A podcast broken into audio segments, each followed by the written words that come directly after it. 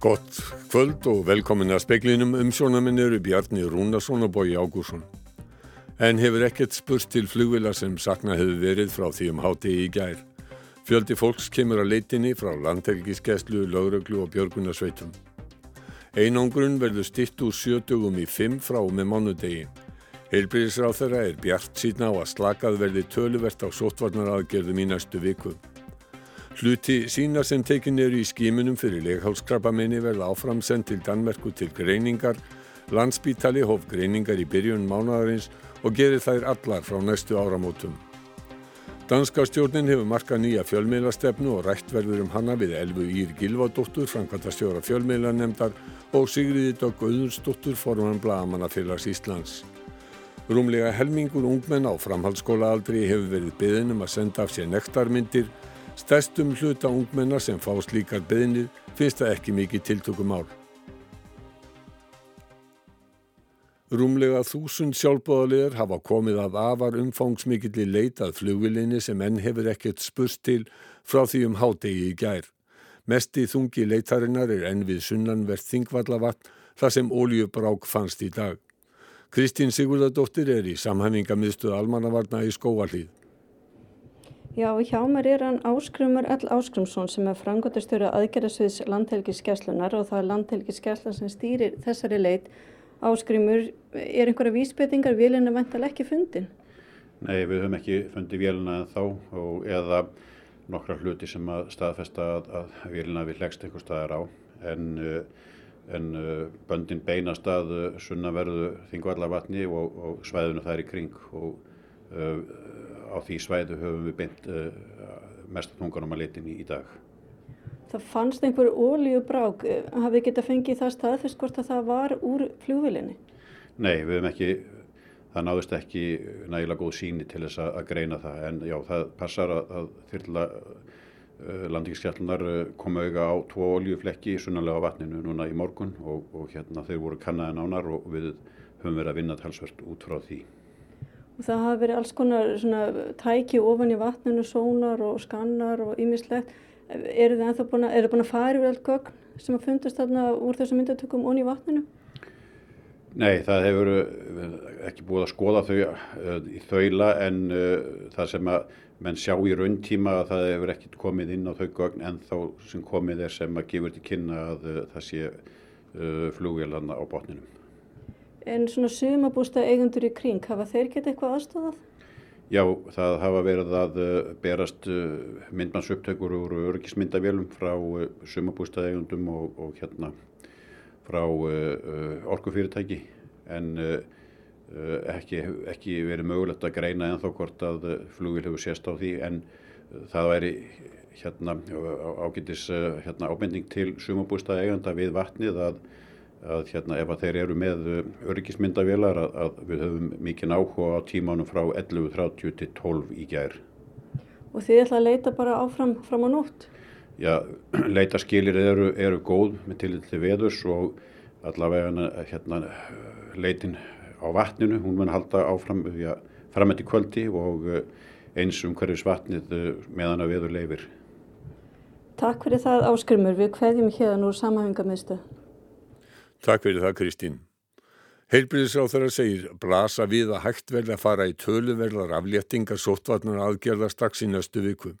Einangrun verður stitt úr sjötugum í fimm frá og með mánudegi.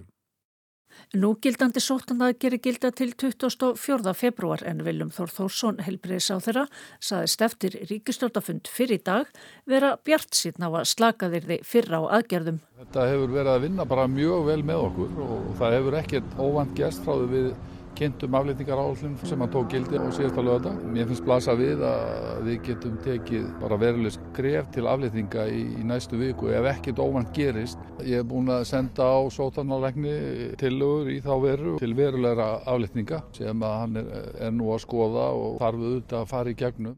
Einangrum verður steitt úr sjötugum í fimm frá og með mánudegi og nú er verið aðlaga verkferðla COVID-göngudeildara þessu breyta fyrirkomulagi. Þeir sem eru einnkjörna lausir og óætt að fara að með gátt geta þá mætt til vinnu. Fyrir viku var kynnt þryggja skrefa aflettinga áallun sem átaka gildi á fullu 14. mars en þar sem allt bendir til þess að hægt verða slaka verulega á þeim strax í næstu viku segir heilbreyðs á þeirra hugsanlegt að full afletting verði fyrr. Ef við erum komið þá hálfu mánuði fyrr í afletningar áallunni þá, þá, kann það að vera að það, það sé hægt að afleta öllu hálfu mánuði fyrr eins og staðin er akkurát núna en ég er auðvitað að meta þetta út frá þeirri nöðsin sem er uppi hverju sinni um að stíga valega til jarðar og taka mið af áhættum að til sótunaræknis. Árni Pétur Jónsson saði í dag upp störfum sem forstjóri Skeljóngs HF. Hann fekk nýveri tölvupost frá fyrirvinandi samstafskonu sem sakaði hann um að hafa farið yfir ákveðin mörk hennar. Í tilkynningu frá orna kemur fram að samstafskonan sé ekki að saka hann um ofbeldi, áreiti eða brót á lögum, heldur valda, ójabvægi og aldursmun. Hann meti það sem svo að málið kunni að valda skelljungi og samstagsfólki hans óþægindum og því óski hann eftir að láta af störfum. Viðmið og viðhorfi í samfélaginu hafi breyst og hann hafi byggðið samstagskonuna afsökunar. Ennegst á vandraði Borisar Jónsons fórsættis á þeirra Breitlands en nokkur fjöldi og nánasta starfsliði hans í dáningsstræti 10 hefur sagt upp störfum síðustu daga. Ráðgjafin Elena Naronsansk ákvaði í dag að láta gott heita en fjórir hátsetti starfsmenn gerðu það í gær. Forsættisráðuna stendur í ströngu en nokkrir flokksfélagar hans á þinginu segja orðið tímabært fyrir hann að segja af sér. Hann hefur leigið undir þungu ámæli vegna að tíðra veisluhalda í dáningstræti meðan strángar samkomutakmarkanir gildu í landinu. Hugh Merriman, þingmaður í hjálpsmanna í Bexhill og Battle, sagði í viðtali við BBC að tímabært væri að Johnson hísjaði upp um sig eða hipjaði sig ella eins og hann orðaði það. Johnson gerði sitt ítrasta til að hressa upp á starfsliðið. Breytingar eru góðar, saði Johnson og þakkaði þeim sem kvöttu fyrir veluninn störf. Þrjú þeirra sem sögðu upp störfum voru viðstöðt veisluhöldin en Munira Mirsa, aðal ráðgjafi Johnsons til 14 ára, hætti vegna ásakan hans um að Keir Starmer, leittói verkamannaflokksins, hafi látið hjá líða að ákjæra sjómasmannin Jimmy Savile sem talinir hafa beitt hundruð ungmenna kynferðisóbeldi um áratuga skeið. Mirsa segir ummæli Johnsons ílstjeitt og ósvífin. Johnson hefur ekki beðist afsökunar á ummælum sínum en Rissi Súnak, fjármálar á þeirra, segir hann þurfa að taka ákverðinu um það sjálfan. Þó segist hann aldrei hafa látið slík ummæli hafa fallið sjálfur. Markus Þórhalsson sagði frá. Síni úr leghálsskiminum sem að hafa verið tekinn hér á landi verða rannsökuð ímist á landsbítala eða á rannsóknastofu við ofrið sjúkrahúsins í Danmörkum. Það verður þar til samningur ríkisins við danska sjúkrahúsið rennur út um næstu áramót. Flutningur sínan á landi hefur verið harlega gaggrindur bæði af sérfræðingum og þjónustu þegum. Ólufrún Erlendstótti segir frá. Í byrjun mánaðarins hóf landsbítali formlega greiningar á sínum sem tekin eru í skimunum við leghálskrappamenni. Aðdragandina því að sínin rati til landsbítala hefur verið langur og gengið og ímsu en þegar sínatökurnar voru færðar frá leitarstöðu krabbamensfélagsins yfir til ofinbera heilbreyðiskerfisins byðu konur í alltaf sjö mánuði eftir niðurstöðum.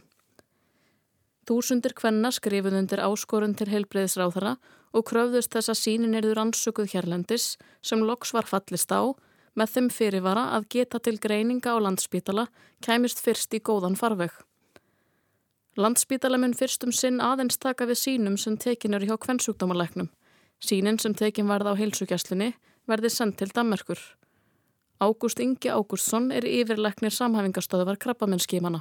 Þessar tvær rannsóknarstofur nota mismöndi kerfi til þess að greina síni að þá uh, þurfum við í rauninni að skipta þessu þannig að, að uh, hver sínatöku aðilir taki aðeins í eitt kerfi uh, eins og til þess helsugæslan uh, mun allavega ennum sinn halda áfram að senda síni til Danmörkur.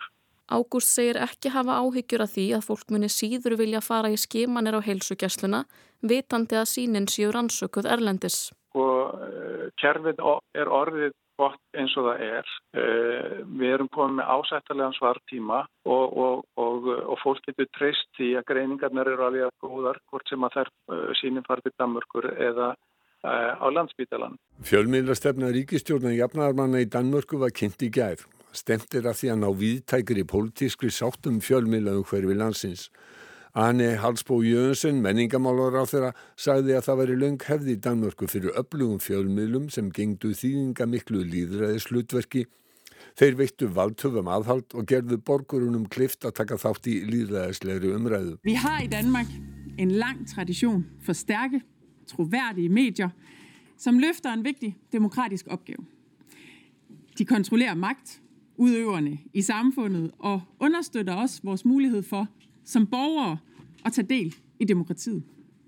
De, eller I, skulle jeg måske sige, er ganske enkelt afgørende for, at den demokratiske samtale kan trives. Fjölmiðlar eru forsenda fyrir líðræðisleiri umræðu, sagði Anni Halsbó Jönsson og þetta er megin tema í tilvonum.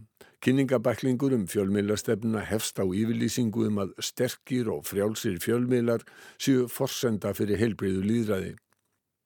Meðal þess sem danska ríkistjórnin leggur áherslu á er það sem að kalla er menningarframlag frá streymisveitum, líðræðisleg stjórnun og teknirísum að samfélagsmiðlar eigi að vera ábyrgir fyrir innihaldi til ungsfólks og áhrifavaldar og blokkarar eigi að vera ábyrgir fyrir fæslum sínum.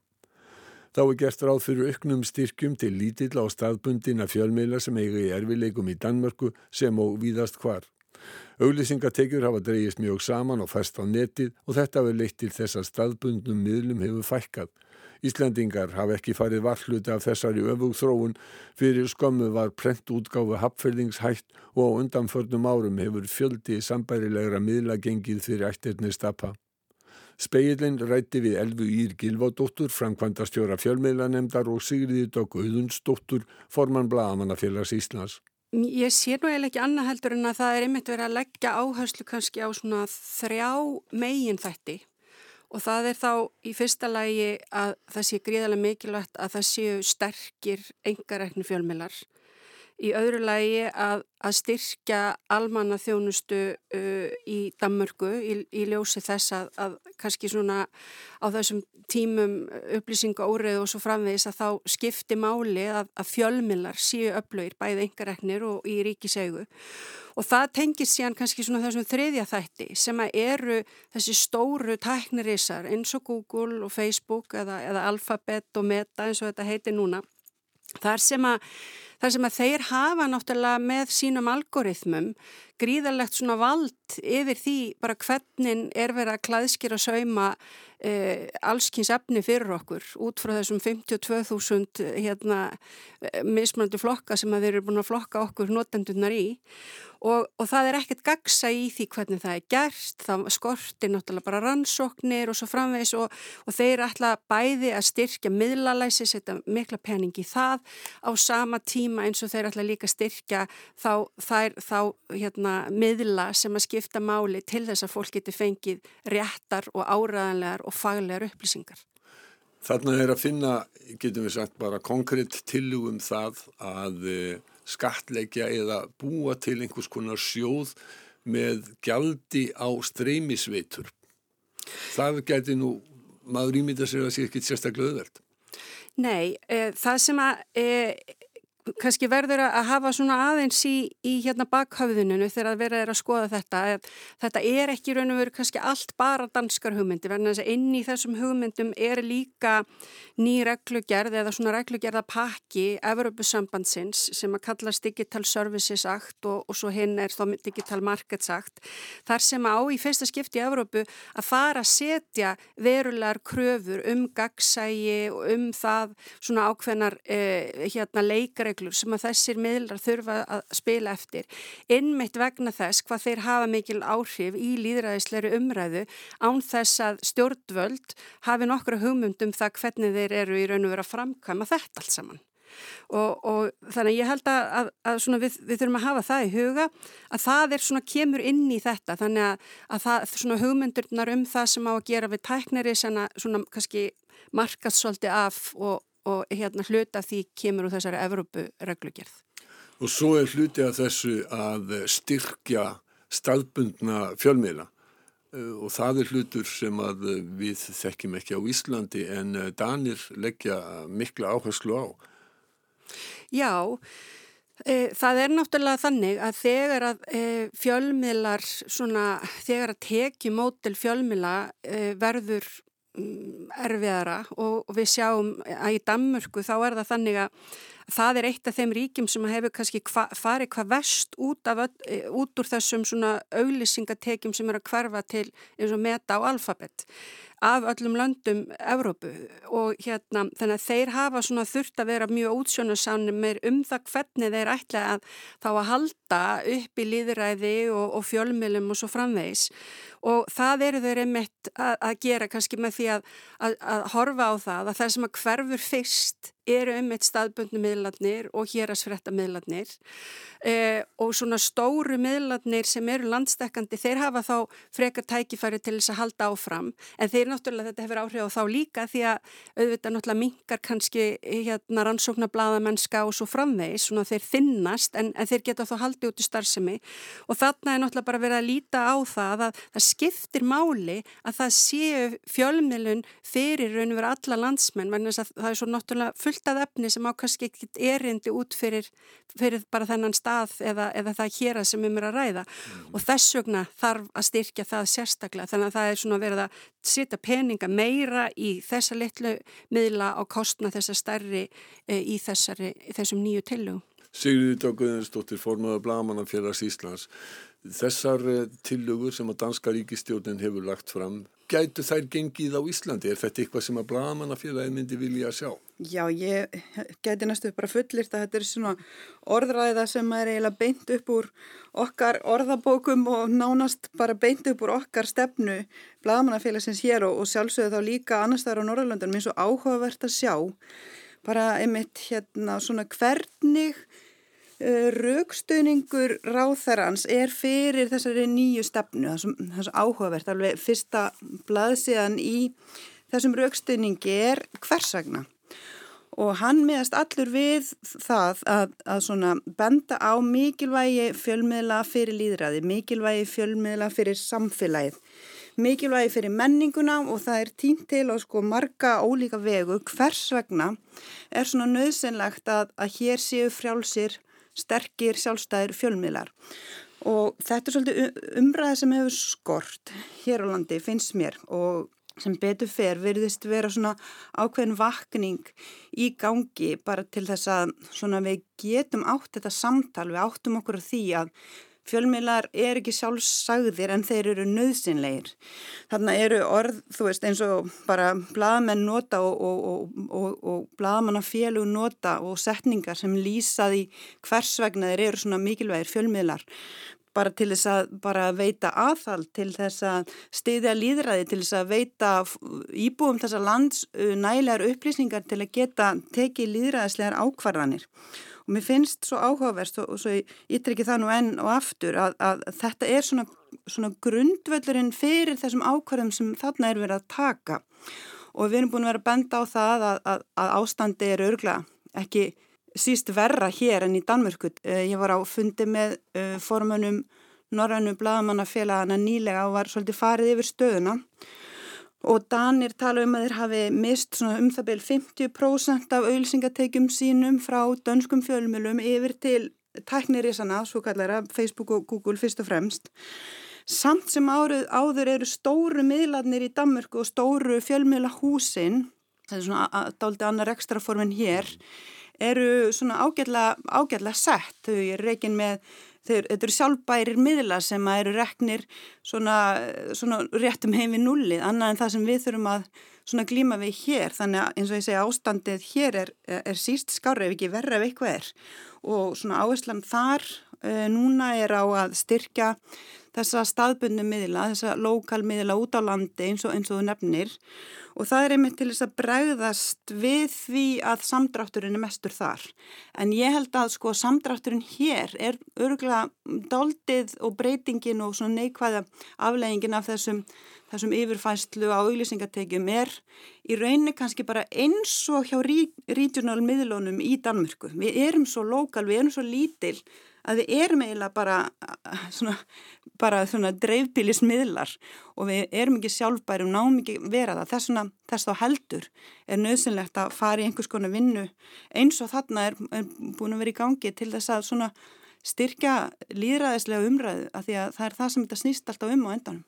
Kanski að þess að bæta við þetta að ég held að skipti einmitt vola hérna gríðilega miklu máli að hafa það í huga að þó að maður er um skali niður sko og hugsa um Ísland og við erum alltaf bara 370.000 og erum með 5 miljónir í Danmarku þá, þá þarf þetta ekki sko færri hendur í sjálfu sér mm. til þess að búa til þetta fjölmjöla efni, til þess að setja e, bara erlanda frettir inn í inn, innlegt samhengi, til þess að, að fara í, í sko rannsóknar bladamennsku svo framvegs. Þannig að í raun að veru sko þartu kannski ennþá svona e, styrkari stóðir ymitt þar sem að tekjurnar eru litlar af því, því að þetta er í raun og veru sko þú getur ekki skala þetta niður og sagt getur, það er alveg nóg í litlu samfélagi að hafa tvo þar sem að einhverjir töttur að gera annað annar staðar. Elva Eir og Sigriði Dögg, takk fyrir komuna í speilin.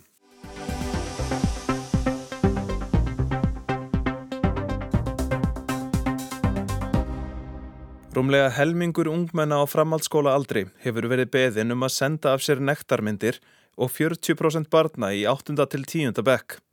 Algengast er að slíkar beðnir komi frá ókunnum einstaklingum á netinu. Líklæra er að stúlkur fái beðnir um slíkar myndsendingar en drengir. Tæplega sju af hverjum tíu stelpum sem hafa fengið beðinu um nektarmynd sögðu hann að hafa komið frá ókunnum á netinu. Saman bori við þrjá af hverjum tíu strákana. Þetta er meðal þess sem kemur fram í nýri könnun sem mentavísitarstofnun gerði fyrir fjölmjölanemnd. Skúli Bræði Gerdal, verkefnastjóri fjölmjölanemndar, velkomin í speilin. Takk fyrir það. Hvað finnst þér bera hæst í þessari skýslu?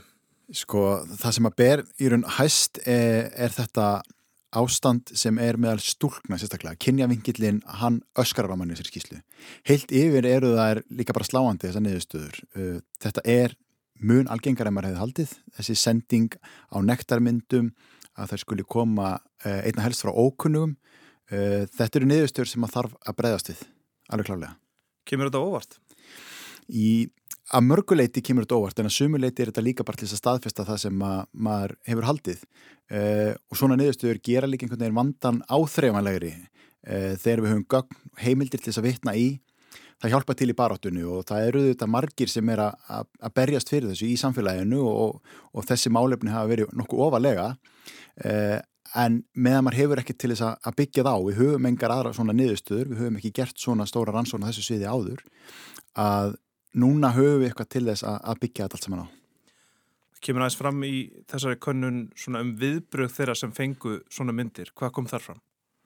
Sko það sem kannski kom óvart þar var að flestum virtist að verið sama eh, á meðan að það var svona um helmingur sem sagði já, mér var bara nokkuð samum það að vera beðin um þetta. Þriðjungur sagði mér þótt þetta viðbjóðslegt. Þannig að þetta er alltaf langt á milli þess að vera sama eða finnast þetta viðbjóðslegt. Þannig að viðþorfið segjur okkur ímislegt og, og maður veldi fyrir sér eru þau að átta sig kannski á alvarleikanu sem er þarna e, í því að vera að senda nektarmyndir? Og ég hugsa að meðan þetta er svona algengt, meðan svona margir er að, að senda nektarmyndir, er að byggja um nektarmyndir á aldrinum e, þarna í grunnskóla, framhaldsskóla að þau séu kannski ekki átt að sjá því hvað þau eru að gera. Og, og sérstaklega þau eru, já, mér er bara saman með þetta. E, það segir manni að, að það, það vantar kannski ákveðna fræðslu þannig segir þetta okkur eitthvað um svona samskipti ungmenna? Já, ég held að gera það og við búum alltaf við þann raunveruleik í dag að í samfélaginu eru einstaklingar að mynda mjög náinn sambund inn á netinu. Þetta er ekki bara gert í personu og við sjáum meiri segja einstaklingar mynda náinn sambund án þess að hafa hitt hvern annan og þessi sambund geta verið jafn náinn eh, eins og í raun bara ástarsambund þar sem einstaklingar er búin að vera saman og þá býrðu til svigurum þar sem að þú deilir bara þínum nánastu uh, já, myndum, upplýsingum í, í trúnaði, þú treystir einstaklingunum.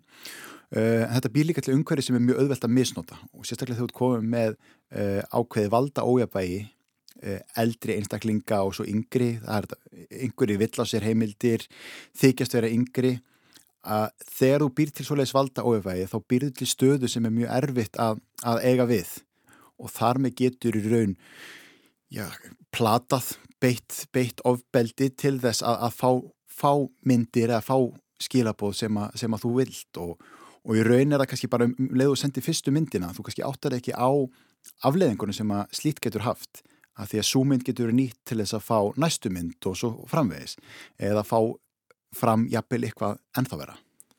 Emið, svo snýst þetta alltaf um ábyrðina að því að fá svona myndir sendar að dreifa þeim ekki áfram? Er eitthvað, sjáu þið eitthvað í ykkar vinnu sem að kemur inn á þetta? Já, við vorum með skýslur á, á síðasta ári mitt sem að koma svolítið inn á þetta. Þar var þessi yngsti aldursópur í þeim rannsóknum, hann var hann undir 18 ára.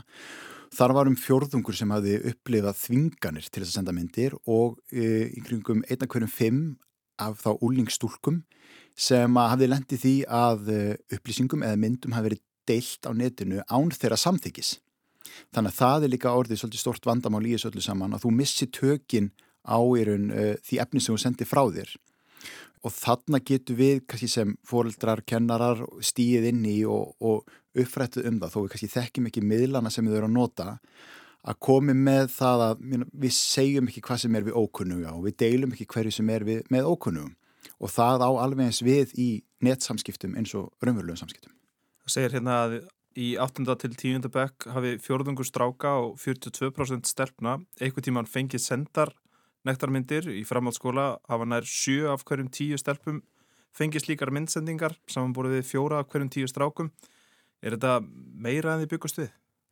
Já, þetta er meira en við byggust við og þetta segir okkur líka oft tölum við um, um valda ójöfæði, þetta séu eldri einstaklingar að reyna að fá myndir af ungum stúlkum þetta er ekki endilega bara þar, þetta er líka þau að senda þetta á milli sín uh, og þá eru við líka komið með það að einmitt ábyrðin sem fælt í því að fá senda mynd hef ég þroskan til þess að fá þessa mynd og bera nægilega ábyrð á henni þannig að hún fær ekki lengri umferð og þetta er verði einhvern veginn snjóbolti sem ég missi algjörlega tök á Jana, já, þetta er, þetta er mun meira en við sjáum líka í öðru rannsónu sem við erum með að, að börn og ungmenni eru nær öll með farsíma. Þetta er ekki lengur farið að snúast um einhvern veginn ertu með hann eða ekki. Það eru bara öll með farsíma og þau eru öll tengt.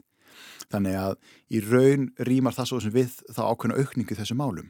En gallin við þetta er að við erum á eftir, við erum á eftir nákvæmlega þjónum okkar, við erum ekki verið að setja fjármagn í þessi, þessi málefni eins og þeir eru að gera.